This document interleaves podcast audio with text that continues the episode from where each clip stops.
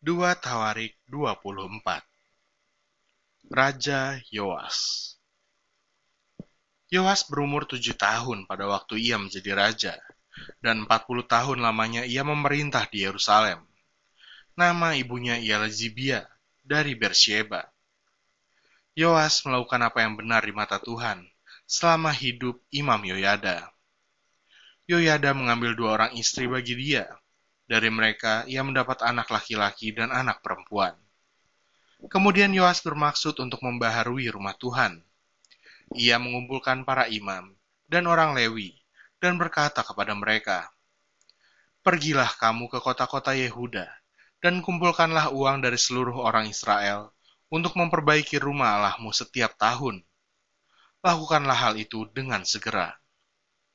Tetapi orang Lewi itu tidak melakukannya dengan segera. Lalu raja memanggil imam kepala Yoyada dan bertanya kepadanya, Mengapa engkau tidak menuntut kepada orang-orang Lewi untuk membawa dari Yehuda dan dari Yerusalem pajak yang dikenakan Musa, hamba Allah itu, kepada jemaah Israel untuk kemah tempat hukum Allah? Sebab anak-anak Atalia, perempuan fasik itu, telah membongkar rumah Allah bahkan memakai barang-barang kudus rumah Tuhan untuk para Baal. Sesudah itu, raja memerintahkan supaya dibuat sebuah peti dan ditempatkan di depan pintu gerbang rumah Tuhan. Lalu menyuruh mengumumkan di Yehuda dan di Yerusalem bahwa orang harus membawa bagi Tuhan pajak yang dikenakan Musa, hamba Allah itu, kepada orang Israel di padang gurun maka bersukacitalah semua pemimpin dan seluruh rakyat. Mereka datang membawa pajaknya dan memasukkannya ke dalam peti itu sampai penuh. Setiap kali peti itu dibawa masuk untuk diperiksa oleh orang-orang Lewi atas nama raja, dan apabila mereka melihat bahwa sudah banyak uang di dalamnya, maka datanglah panitera raja dan kuasa usaha imam kepala mengeluarkan isi peti itu. Kemudian mereka mengangkat peti itu lalu menaruhnya pula di tempatnya. Demikianlah mereka lakukan setiap kali, dan banyaklah uang yang dikumpulkan. Raja dan Yoyada menyerahkan uang itu kepada mereka yang memanduri pekerjaan pada rumah Tuhan. Mereka ini mengupah tukang-tukang pahat dan tukang-tukang kayu untuk membaharui rumah Tuhan. Juga tukang-tukang besi dan tembaga untuk memperbaiki rumah Tuhan. Setelah itu, mulailah tukang-tukang itu bekerja. Pekerjaan perbaikan maju di bawah tangan mereka. Mereka membangun kembali rumah Allah menurut keadaannya semula dan mengokohkannya. Setelah mereka selesai, mereka membawa uang yang kelebihan kepada Raja dan Yoyada. Uang itu dipakai untuk membuat perkakas-perkakas rumah Tuhan, yakni perkakas-perkakas untuk penyelenggaraan kebaktian, perkakas-perkakas untuk korban bakaran, juga cawan-cawan dan perkakas-perkakas emas dan perak sepanjang umur Yoyada. Korban bakaran tetap dipersembahkan dalam rumah Tuhan. Yoyada menjadi tua dan lanjut umur, lalu matilah ia. 130 tahun umurnya ketika ia mati. Ia dikuburkan di kota Daud di samping raja-raja, karena perbuatan-perbuatannya yang baik di Israel terhadap Allah dan rumahnya. Sesudah Yoyada mati, pemimpin-pemimpin Yehuda datang menyembah kepada raja. Sejak itu raja mendengarkan mereka.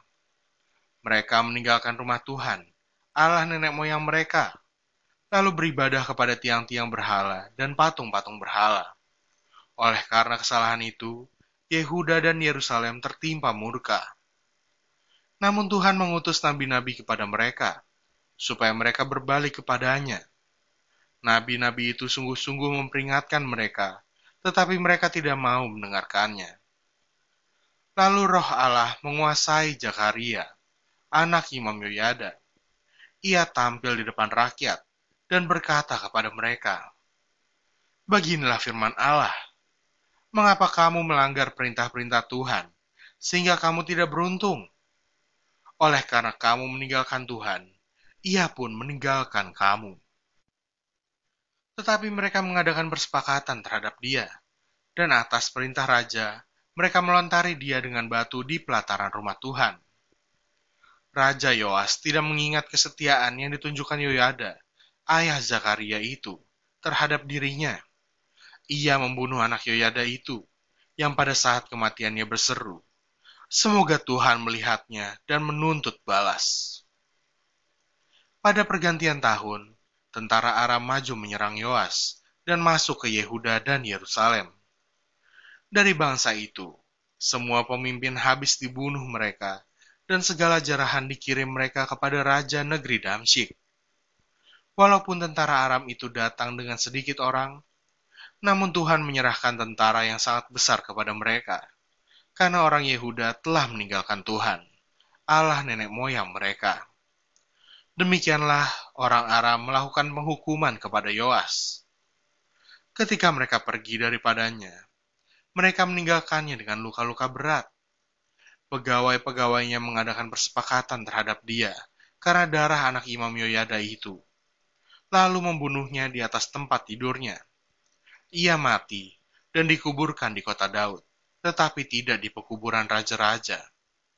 Mereka yang mengadakan persepakatan terhadap dia ialah Zabat, anak Simeat, perempuan Amon, dan Yozabat, anak Simrit, perempuan Moab tentang anak-anaknya dan ucapan-ucapan ilahi yang banyak terhadap dia, serta tentang perbaikan rumah Allah, semua itu tertulis dalam tafsiran kitab Raja-Raja.